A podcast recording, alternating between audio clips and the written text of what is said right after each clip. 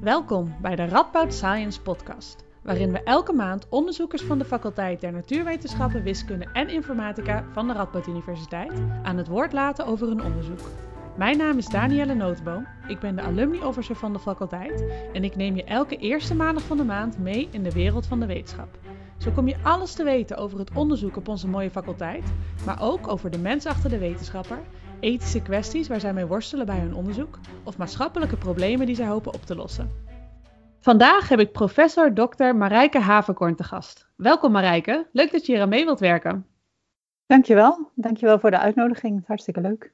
Ja, leuk dat je er bent. Je doet onderzoek naar het galactische ecosysteem, oftewel het samenspel van gas, sterren, kosmische straling en magneetvelden in onze Melkweg. Dit onderzoek je met behulp van gepolariseerd licht, radiostraling en computermodellen. Vandaag praten we met je over je onderzoek, over de rol van magneetvelden in het universum en hoe je passie voor de Melkweg eigenlijk begonnen is. Voordat je ons alles gaat vertellen over je onderzoek, wil ik eerst graag weten hoe je in het onderzoeksveld terechtgekomen bent. Waar is jouw passie eigenlijk begonnen voor het heelal of de Melkweg of hoe ben je hier ingerold? Mijn passie is niet begonnen zoals de, de, de typische sterrenkundige met een telescoopje in de achtertuin en een hele lange fascinatie voor de hemel. Mijn fascinatie begon eigenlijk vanaf de andere kant, vanaf de, de wetenschap, de natuurkunde. Vanaf een hele jonge leeftijd wilde ik de, de wereld begrijpen. Dus ik was altijd al aangetrokken tot de, de exacte wetenschappen. En dan wat ik nou precies wilde doen, ja, dat hing eigenlijk af van de leraar. Van de middelbare schoolleraar. Als ik een hele leuke scheikundeleraar had, dan uh, vond scheikunde het leukste vak wat er bestond. En daarna weer wiskunde en toen weer natuurkunde. Totdat ik, ik denk dat ik 16 was, toen ik op een gegeven moment een artikel in de Kijk zag, in dat populair wetenschappelijk tijdschrift, waar gesproken werd over magneetvelden op de zon. En dus hoe die magneetvelden op de zon, hoe dat werkte, hoe die ontploffingen op de zon konden veroorzaken, hoe die de hele zonnecyclus reguleerden. En toen dacht ik, dat is het, dat wil ik. En wat me daar zo aan fascineerde aan de zon, maar ook de hele sterrenkunde, is dat het precies dezelfde natuurwetten zijn als die we hier op aarde kennen, of waar we op aarde elke dag mee te maken hebben, maar die voor hele extreme dingen in het heelal zorgden. Dus uh, de kracht die hier zorgt dat ik op mijn stoel blijf zitten, of waardoor een, een appel uit de boom valt, is precies dezelfde kracht waardoor zwarte gaten kunnen bestaan, uh, waardoor sterren bestaan, waardoor sterren ontploffen aan het eind van hun leven. Uh, de gekromde ruimtetijd is. En dus al dit soort hele exotische toepassingen in het heelal kun je gewoon terugleiden tot natuurwetten op aarde. Dus dat trok mij heel erg aan de sterrenkunde. En hoe ik uiteindelijk bij dit vakgebied terecht ben gekomen, is eigenlijk puur toeval. Ik begon uh, met studeren in Utrecht, toen daar nog een sterrenkundeafdeling bestond, of een sterrenkundeinstituut bestond. En daar uh, ben ik afgestudeerd in de theoretische kosmologie. Dus compleet anders. Uh, ik keek naar hoe um, fluctuaties in de achtergrondstraling van de oerknal, hoe je die theoretisch zou kunnen beschrijven. En daarna ja, wilde ik wel gaan promoveren, want ik vond het onderzoek heel erg leuk. En toen kwam er een positie in Leiden vrij. En die positie ging over gemagnetiseerde gaswolken in de Melkweg. Dus iets compleet anders, uh, waar ik niks van af wist, ook geen uh, uh, colleges over had gevolgd of zo. Maar het leek me wel leuk. En dus toen heb ik daar gesolliciteerd en ik ben het geworden. En dat bleek ook zo'n zo interessant vakgebied dat ik daar eigenlijk nooit meer ben weggegaan. Wat leuk, wat een leuke loopbaan ook hoe je tot nu toe daar terecht bent gekomen. Um, in het onderzoek wat je nu doet, spelen magneetvelden in de Melkweg een belangrijke rol. Je had het net al even over magneetvelden op de zon, maar kun je ons eens vertellen wat magneetvelden zo interessant maakt om te onderzoeken? Nou, magneetvelden spelen in de ruimte eigenlijk een hele andere rol dan hier op aarde. Want hier op aarde merk je daar eigenlijk niet zoveel van, van magneetvelden. Um, behalve ja, koelkastmagneetjes en het aardmagneetveld, dus je, je kompas werkt. Maar ze lijken niet een hele grote rol in het dagelijks leven te spelen. In de rest van het heelal is het heel erg anders. Want het grootste deel van het heelal bestaat uit plasma's, uit geïoniseerd gas. Dat geldt voor alle gaswolken, um, of bijna alle gaswolken in de Melkweg, maar ook sterren bestaan uit geïoniseerd gas. En in dat geïoniseerd gas, daar is het magneetveld, gedraagt zich heel anders. Want dat magneetveld is ingevroren in het gas. En wat betekent dat het, dat het vastzit in dat gas en een hele grote rol speelt. Dus als je bijvoorbeeld zo'n gaswolk uit wil rekken, dan gedraagt het magneetveld zich als elastiek. Dus dan krijg je de magnetische spanningen in die gaswolk die dus een tegenkracht geven. In die zin is, is magneetveld Ja, een van de ehm, hele belangrijke invloeden die bepalen hoe dat soort wolken bewegen, hoe sterren vormen. dus het is een, een hele belangrijke speler in het, het ecosysteem van onze melkweg, maar ook een hele onzichtbare. Want je kan magneetveld niet direct waarnemen. Dus je moet het waarnemen door indirecte tracers. Dus voornamelijk door het licht wat we zien. En dat licht uit de, uit de hemel, dus het licht ergens uit de melkweg, wordt beïnvloed door die magneetvelden. En dus dat is de, de, de puzzel waar ik aan werk. Hoe je uit dat licht wat je ontvangt en die straling die je ontvangt, hoe je daar kan terugpuzzelen hoe dat magneetveld in de melkweg in elkaar zit. Wauw. En waarom is het belangrijk om dit magneetveld beter te leren begrijpen? Het is omdat het zo sterk ingrijpt in alle andere componenten van de melkweg.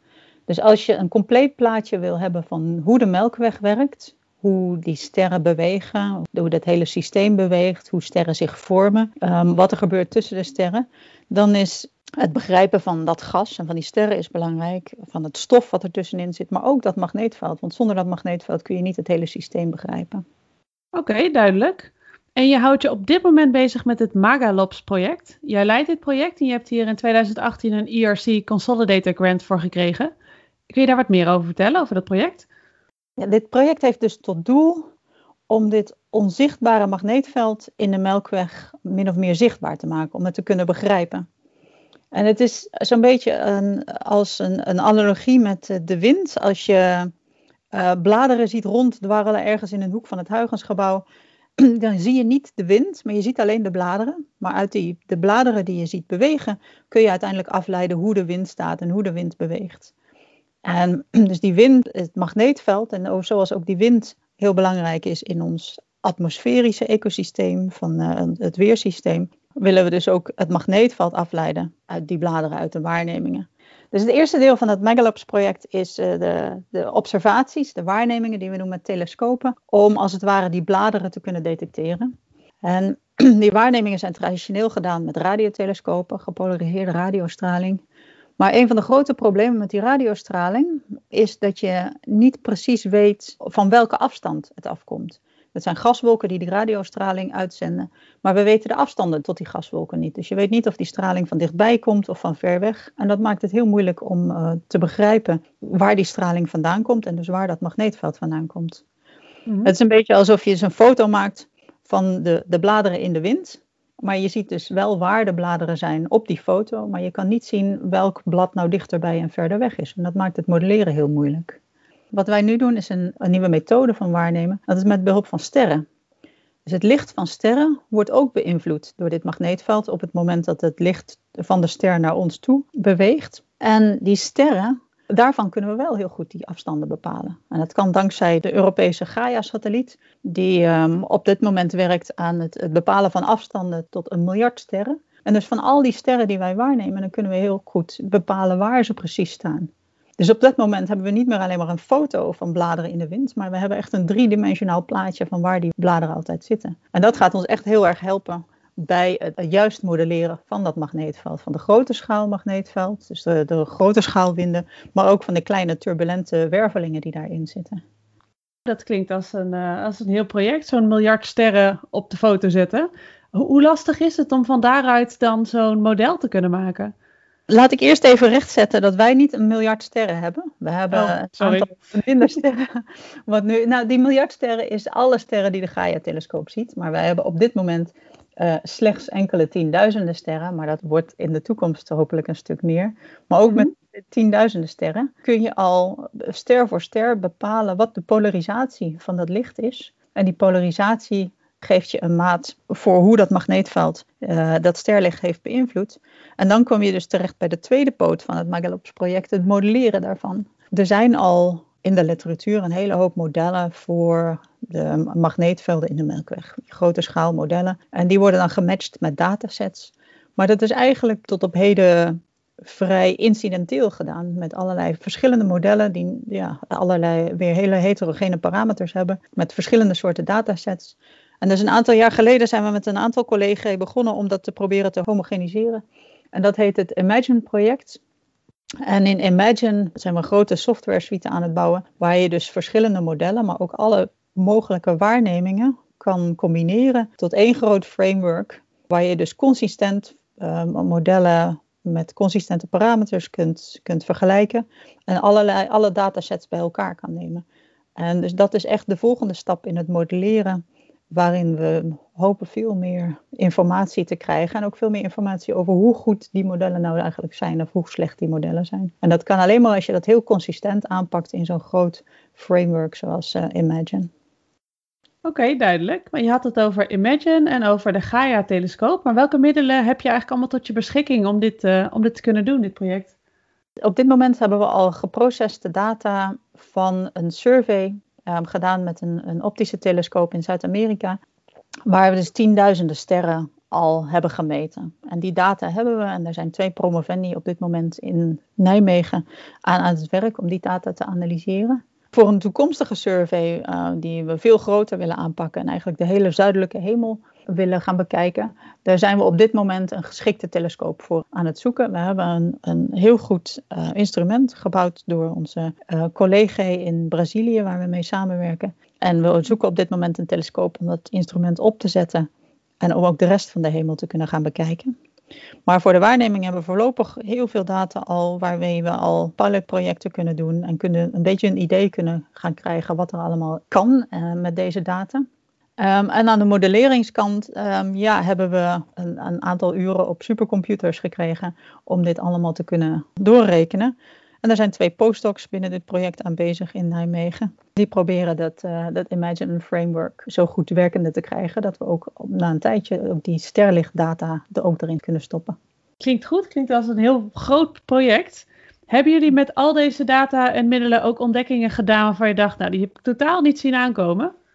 Ja, ja, eigenlijk altijd wel. Want er zijn altijd dingen die je niet verwacht in een dataset.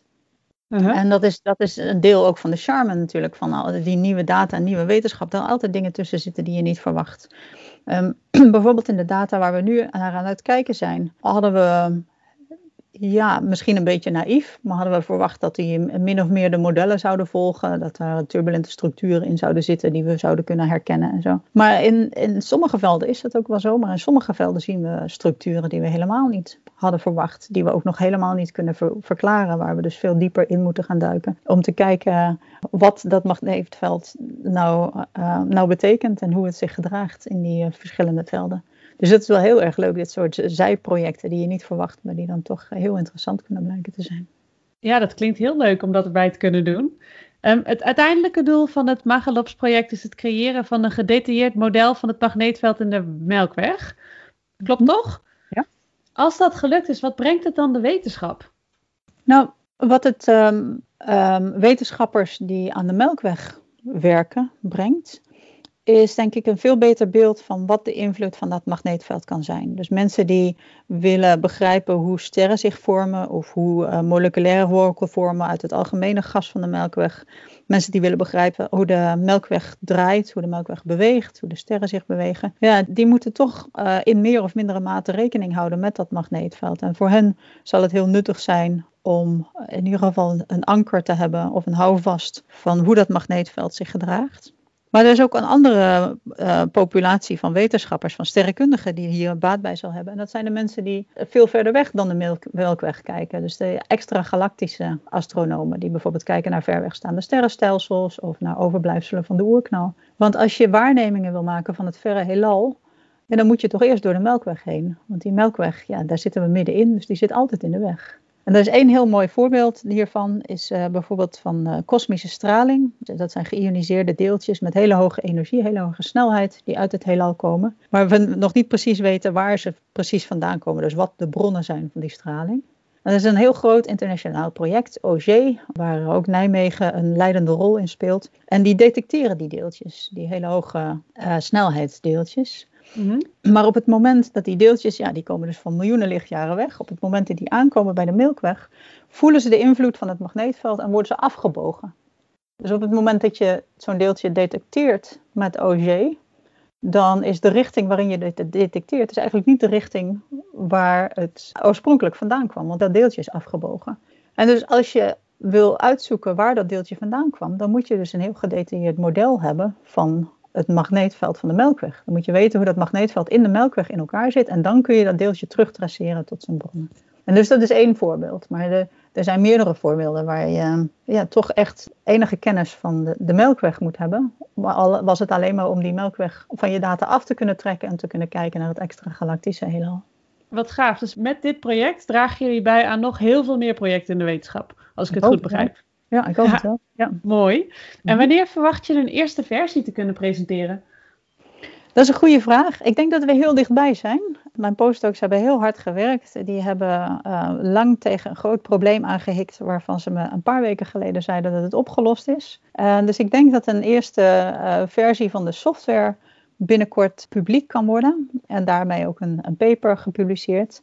En dat is natuurlijk heel fijn, want dan kan de hele gemeenschap ermee gaan werken. En dan, dan leren we met z'n allen nog veel meer. Dus dan zullen ook meerdere andere, verdere versies volgen daarna. Dus dat is van het model. En uh, van de waarnemingkant wordt waarschijnlijk het eerste paper ook in de komende weken uh, gesubmit naar een journal. Wat leuk, hebben we bijna een primeur dus. Voor de luisteraars, de opname is half april 2021. Dus als je dit terugluistert, wie weet is er dan al iets uitgekomen. Maar dat weten we natuurlijk niet, uh, niet zeker. Ja. Um, als laatste vroeg ik me af, met de loopbaan die je tot nu toe gedaan hebt. Als je volledig de vrije hand had in de keuze voor een volgend onderzoek. Wat zou je dan het liefste gaan doen en waarom? Ja, dat, dat is een hele moeilijke vraag. Ja, sorry. Um, ja, ja, maar het is wel een hele leuke vraag. Ja, als je nou heel breed kijkt, dan denk ik, ja, als ik, als ik praat met uh, vrienden die neurofysica doen, dan denk ik, oh, dat is ook heel super interessant. En dan lees ik een artikel over psychologie en dan denk ik, oh, dat is ook boeiend. En dan zie ik een documentaire over uh, diepzeeonderzoek, denk ik, oh, dat wil ik ook doen. Dus ja, er zijn natuurlijk zo verschrikkelijk veel wetenschapsgebieden die, die heel interessant zijn. Um, binnen de sterrenkunde denk ik uiteindelijk dat ik best goed terechtgekomen ben. Er zijn natuurlijk hele sexy en hot uh, gebieden in de sterrenkunde waar heel veel gebeurt. Bijvoorbeeld exoplaneten is daar een van, hè, planeten rond andere sterren. Mm -hmm. maar ook uh, nou ja, dichter bij huis, waar Radboud natuurlijk een leidende rol in heeft gespeeld. Het, uh, het image van het zwarte gat en de, de, polarisatie van het zwarte gat. Dus dat zijn vakgebieden waar, waar ook heel veel gebeurt en wat al heel gauw op elke voorpagina van kranten staat. En dat is natuurlijk in mijn vakgebied veel minder. Je zult niet heel gauw um, turbulente magneetvelden in interstellair plasma op de, in als een grote kop in een, in een krant zien staan. En ik denk dat dat ook invloed heeft op de, de cultuur binnen zo'n vakgebied en de, de atmosfeer binnen een vakgebied. In de zin dat zo'n vakgebied als bijvoorbeeld exoplaneten nogal eens heel, heel competitief kan zijn. Dus dat daar mensen die heel competitief ingesteld zijn, die gedijen daar heel goed bij. Want daar is natuurlijk de ene ontdekking na de andere die dan de hele wereld overgaat. In vergelijking daarmee is, is, daarbij is mijn vakgebied rustiger. Um, het is niet dat er geen ontdekkingen zijn, maar de ontdekkingen zijn misschien minder sexy voor de rest van de wereld. En die ja, worden gedeeld binnen het vakgebied voornamelijk. Ja. En ik denk dat dat bijdraagt aan het feit dat het vakgebied van ons veel meer collaboratief is ingesteld. En mensen die heel veel samenwerken. Er valt natuurlijk ook zoveel meer te ontdekken nog dan dat er mensen zijn die er aan het werk zijn. Dus uh, het is een, een vakgebied waar, uh, waar veel in teams gewerkt wordt, waar ja, in het algemeen een hele fijne sfeer hangt. En ja, dat wist ik natuurlijk niet toen ik uh, als naïeve student erin stapte. maar achteraf, terugkijkend, ben ik daar wel heel erg blij mee. Want dat past veel beter bij mijn persoonlijkheid. En dat is waarschijnlijk ook de reden dat ik er uh, zo lang in ben blijven werken. En nog steeds met veel plezier in werk. Nou, wat fijn om te horen. Dan zijn we bijna aan het eind van deze aflevering. Is er iets wat ik je nog niet gevraagd heb over je project of over iets anders, maar wat je wel graag nog zou willen delen? Wat ik zou willen delen? Uh, met mijn collega's hè, van de Faculty of Science, mm -hmm. is denk ik dat sterrenkunde misschien een beetje een, een ver van je bedshow lijkt, en ook letterlijk wel is. Maar dat er misschien ook veel meer samenwerkingsmogelijkheden zijn dan, dan sommige mensen zich misschien realiseren. En een hele directe band is natuurlijk met de natuurkunde, hè, want eigenlijk is sterrenkunde gewoon de, ja, de natuurkunde van het heelal. Mm -hmm. um, maar in, bijvoorbeeld in de gaswolken waar ik het over had, Um, daar komen ook heel veel moleculen voor. Er zijn meer dan 200 moleculen in de ruimte ontdekt tot op dit moment. En die moleculen hebben ook hele complexe uh, chemie. En dus, dus de scheikundige processen in die interstellaire wolken zijn meestal nou ja, net zo belangrijk als de fysische processen. Wat dus de, het, het vakgebied van de astrochemie geeft. En in de astrochemie wordt ook binnen onze faculteit gewerkt door een aantal mensen. Binnen de afdeling sterrenkunde, maar ook binnen de theoretische chemie. En ook binnen de, de, het Felix Laboratorium van onze vrije elektronenlaser. Ja. Waar ze dus experimenten doen om de spectra van die moleculen te kunnen determineren. waarbij dus de, de theoretische chemie helpt in het modelleren voor hoe je dus dit soort moleculen zou kunnen observeren in de ruimte. Dus dat is een hele mooie samenwerking die er al is. En als je dan nog een stap verder gaat, dan kom je uit bij de astrobiologie. Want met al die exoplaneten die op dit moment ontdekt zijn, meer, dan, meer dan een paar duizend exoplaneten zijn er op dit moment bekend. Oké. Dan ga je je toch afvragen, ja, is er leven op dit soort planeten? Op die planeten kan er, kan er leven zijn, maar dan hoe, hoe kan dat leven ontstaan? En als dat op wat voor planeten kan het ontstaan? En als het ontstaan is, kunnen we dat dan detecteren? En dat is het vakgebied van astrobiologie, waar ook mensen uh, over nadenken binnen de faculteit. En dus daar zitten ook connecties um, met een, uh, de, het bredere werk wat, wat gedaan wordt in deze faculteit. Dus ik vind dat hele interessante interdisciplinaire samenwerkingen. Ja, en ik zeker. vind het heel leuk om te zien wat daar, eh, hoe dat verder gaat, wat er verder uitkomt. Ja, ik ben ook heel benieuwd. Ik wil je in ieder geval heel erg bedanken dat je de tijd wilde nemen voor deze podcast. Dankjewel, ik vond het heel leuk om te doen. Fijn, echt heel fijn dat je er was. En luisteraars, dankjewel voor het luisteren en tot volgende maand bij de Radboud Science podcast.